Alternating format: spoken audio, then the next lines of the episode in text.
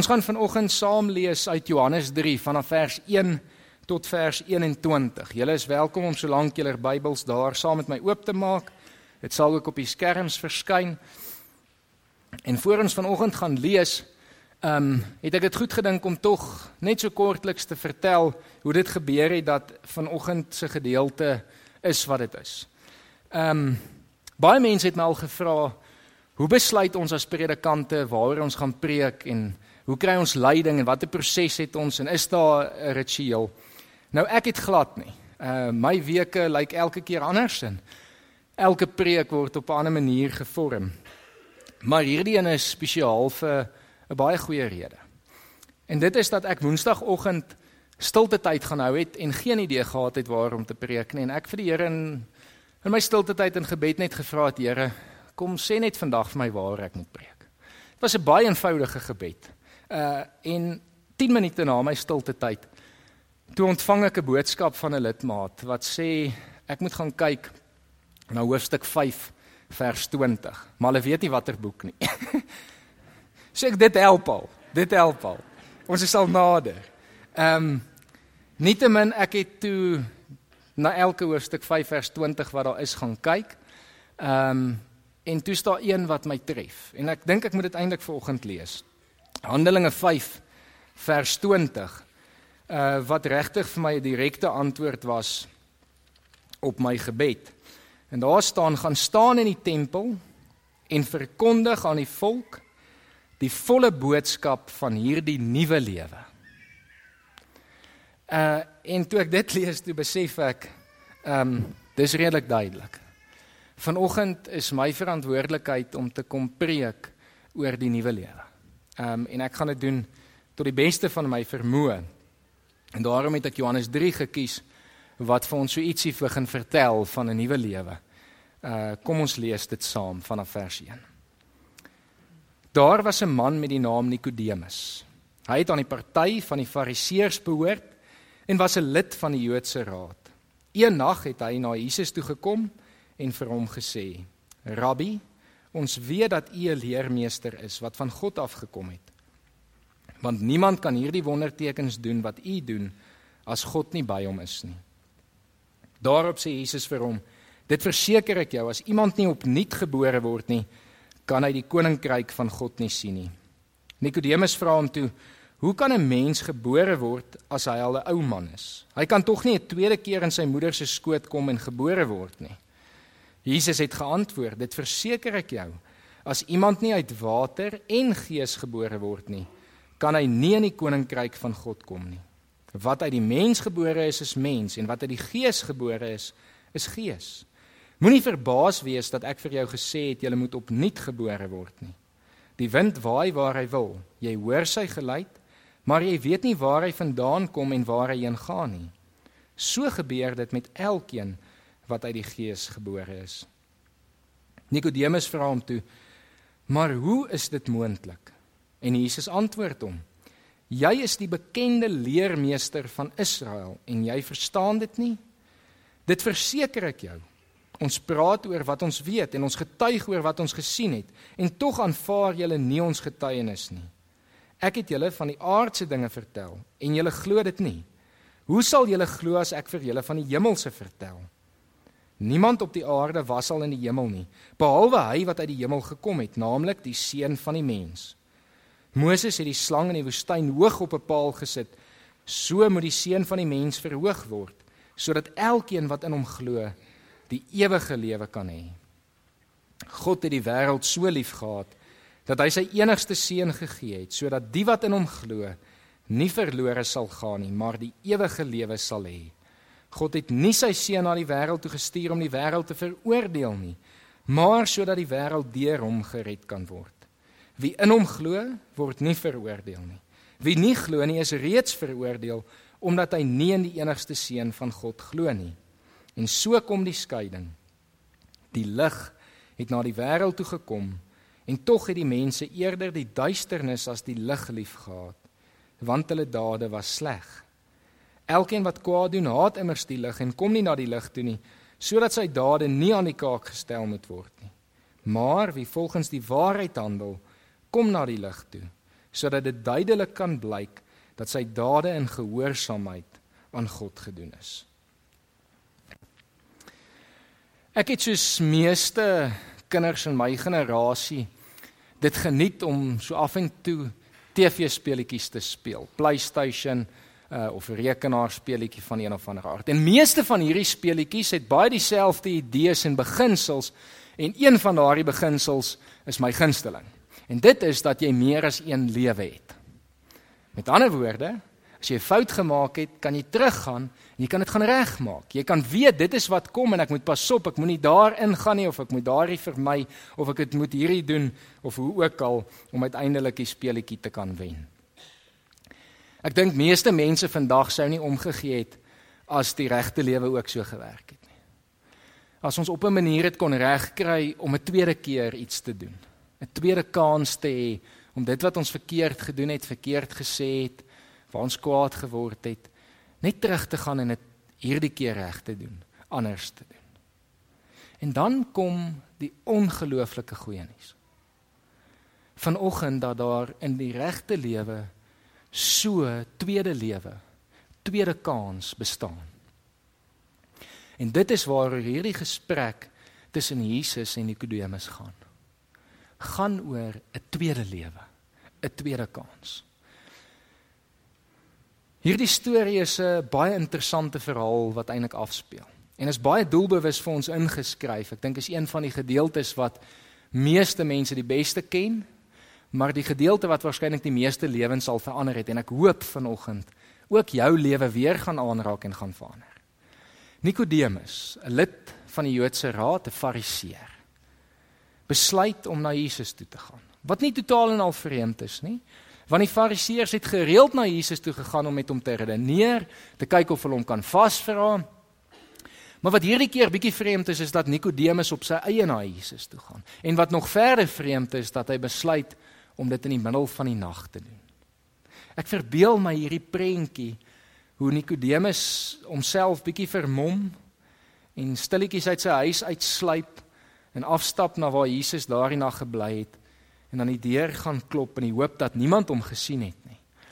Want as sy mederaadslede moet uitvind wat hy doen en dat hy dalk net eintlik Jesus aanvaar en in Jesus glo, sal hy ongelooflik baie moeilikheid kry.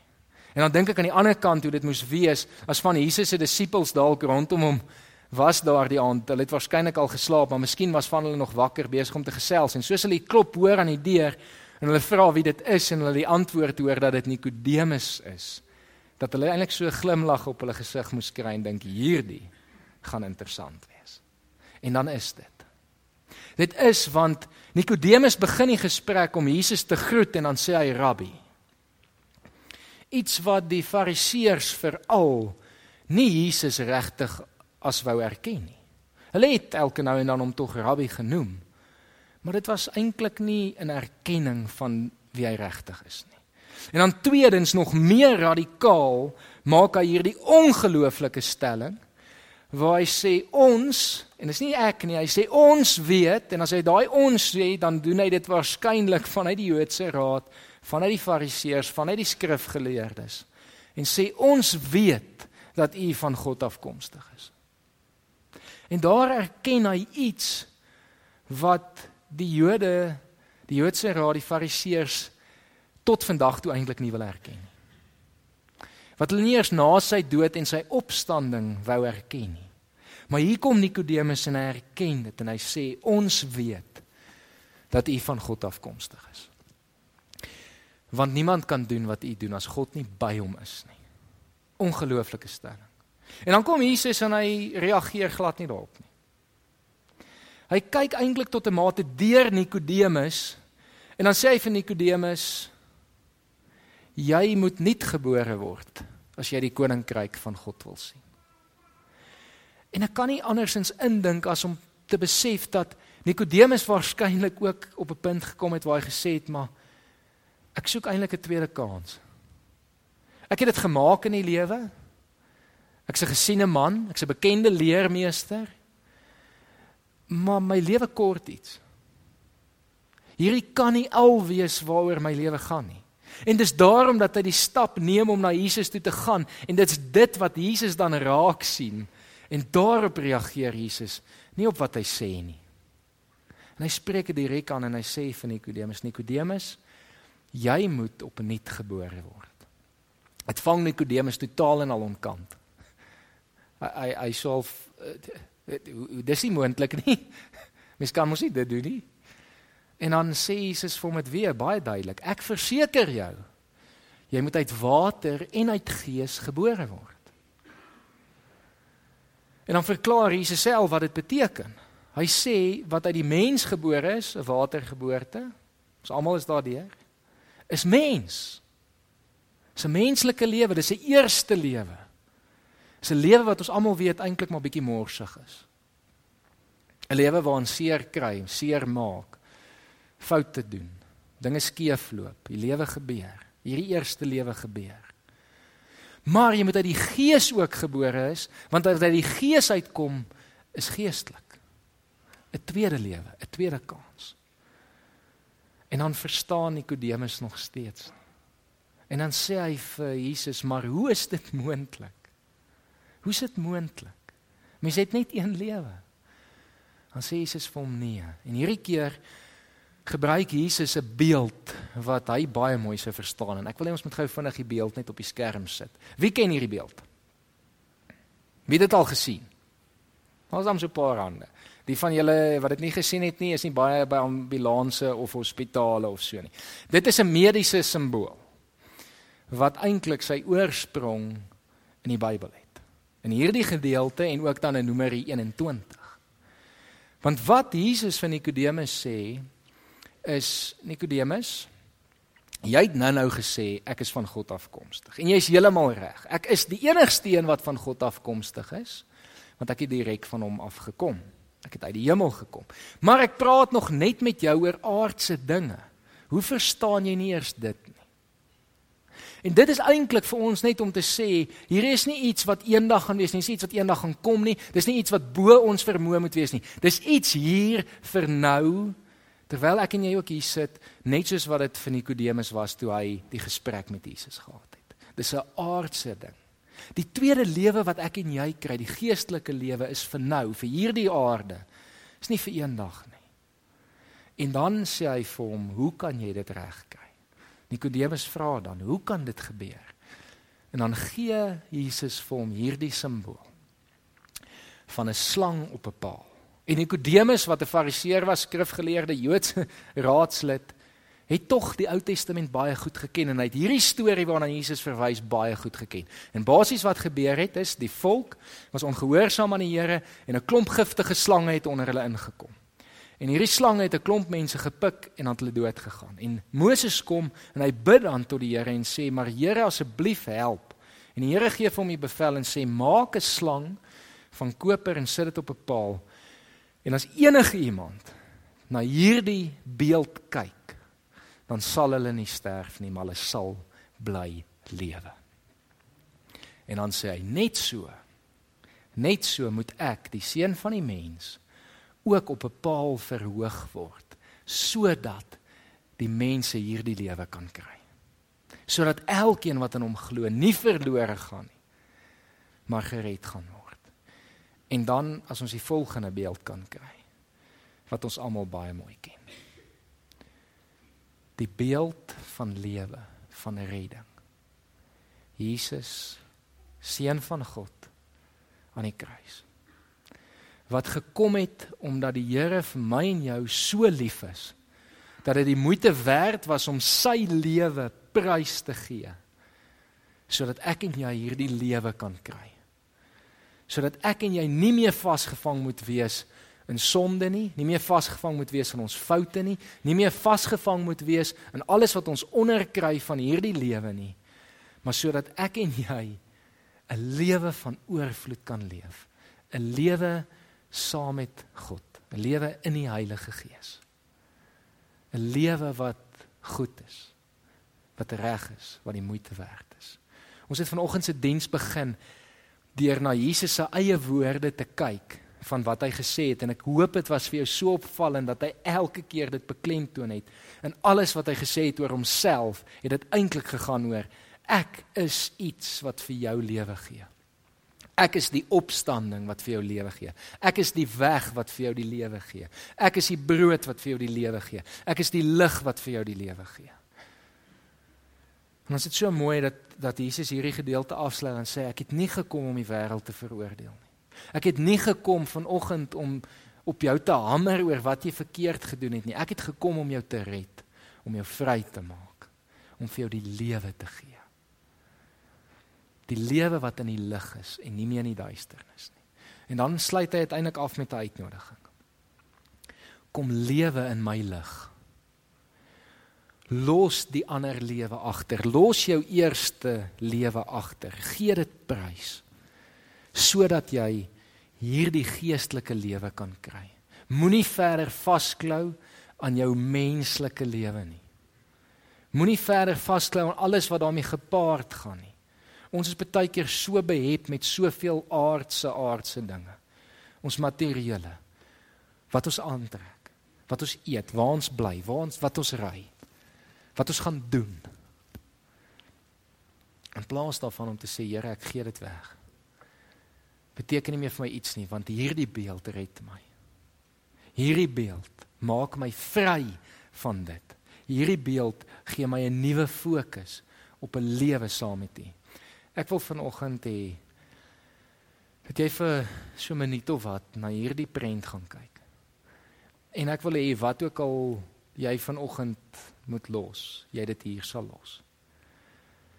Miskien is daar vrese, miskien is daar bekommernisse, Miskien is daar nog 'n klomp foute wat jy sê jy ek soek net 'n tweede kans om dit reg te maak.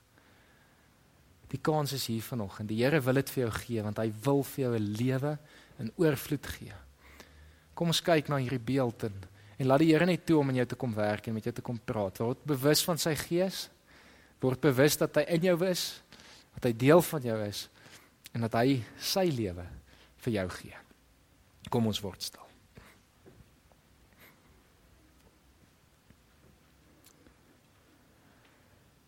Die Here wil vir jou lewe gee. Laat hom vanoggend toe om in te kom. Die seer wat daar is te genees, die foute weg te vee, vir jou weer 'n kans te gee om tweede keer oor te begin saam met hom, in die pad saam met hom te stap. En dan is die wonderlike goeie nuus dat hierdie lewe is vir ewig. Hierdie lewe hou nie op nie. Hierdie lewe gaan vir altyd aan en is veilig want dit is in God se hande. En ons niks niks meer wat dit bedreig nie. Geen mag nie, geen krag nie want die liefde van Christus bedek dit. Die liefde wat gehang het aan daardie kruis. Ons is so 2 weke weg van Paasfees en ek wil jou uitnooi om in hierdie 2 weke regtig erns te maak met hierdie beeld. En elke dag net net na dit te kyk. Net na 'n prentjie van Jesus aan die kruis. En dat dit vir jou 'n herinnering sal wees dat jy kan lewe. En jy kan in oorvloed lewe. Want hy het reeds alles gedoen wat nodig was. Kom ons word 'n oomblik stil en dan bid ons saam. Here, dankie vir die ewige lewe wat U vir ons gegee het. Here, dankie dat U ons so lief gehad het. Dat U bereid was om in ons plek te sterf. Here, dankie dat ons in die volgende 2 weke hieroor kan nadink en bewus kan raak van u liefde. Kan bewus raak van wie u is. En Here, dat ons daardeur sal weet, ons is u kinders. Here, help ons om hierdie boodskap ook te gaan uitdra. Help ons om ons kinders te leer daarvan. Help ons om met ons kollegas en ons vriende daaroor te praat en te sê hulle hoef ook nie vasgevang te wees in 'n tweede in 'n ou lewe nie. Hulle het ook die kans om 'n nuwe lewe te kry by U. 'n Nuwe geleentheid. En Here, mag hulle dit aangryp. Mag U ons gebruik. Mag U ons lei deur die Gees en mag ons in hierdie volgende ruk U boodskap, die goeie nuus, gaan uitdra. Ons bid dit in Jesus se naam alleen. Amen.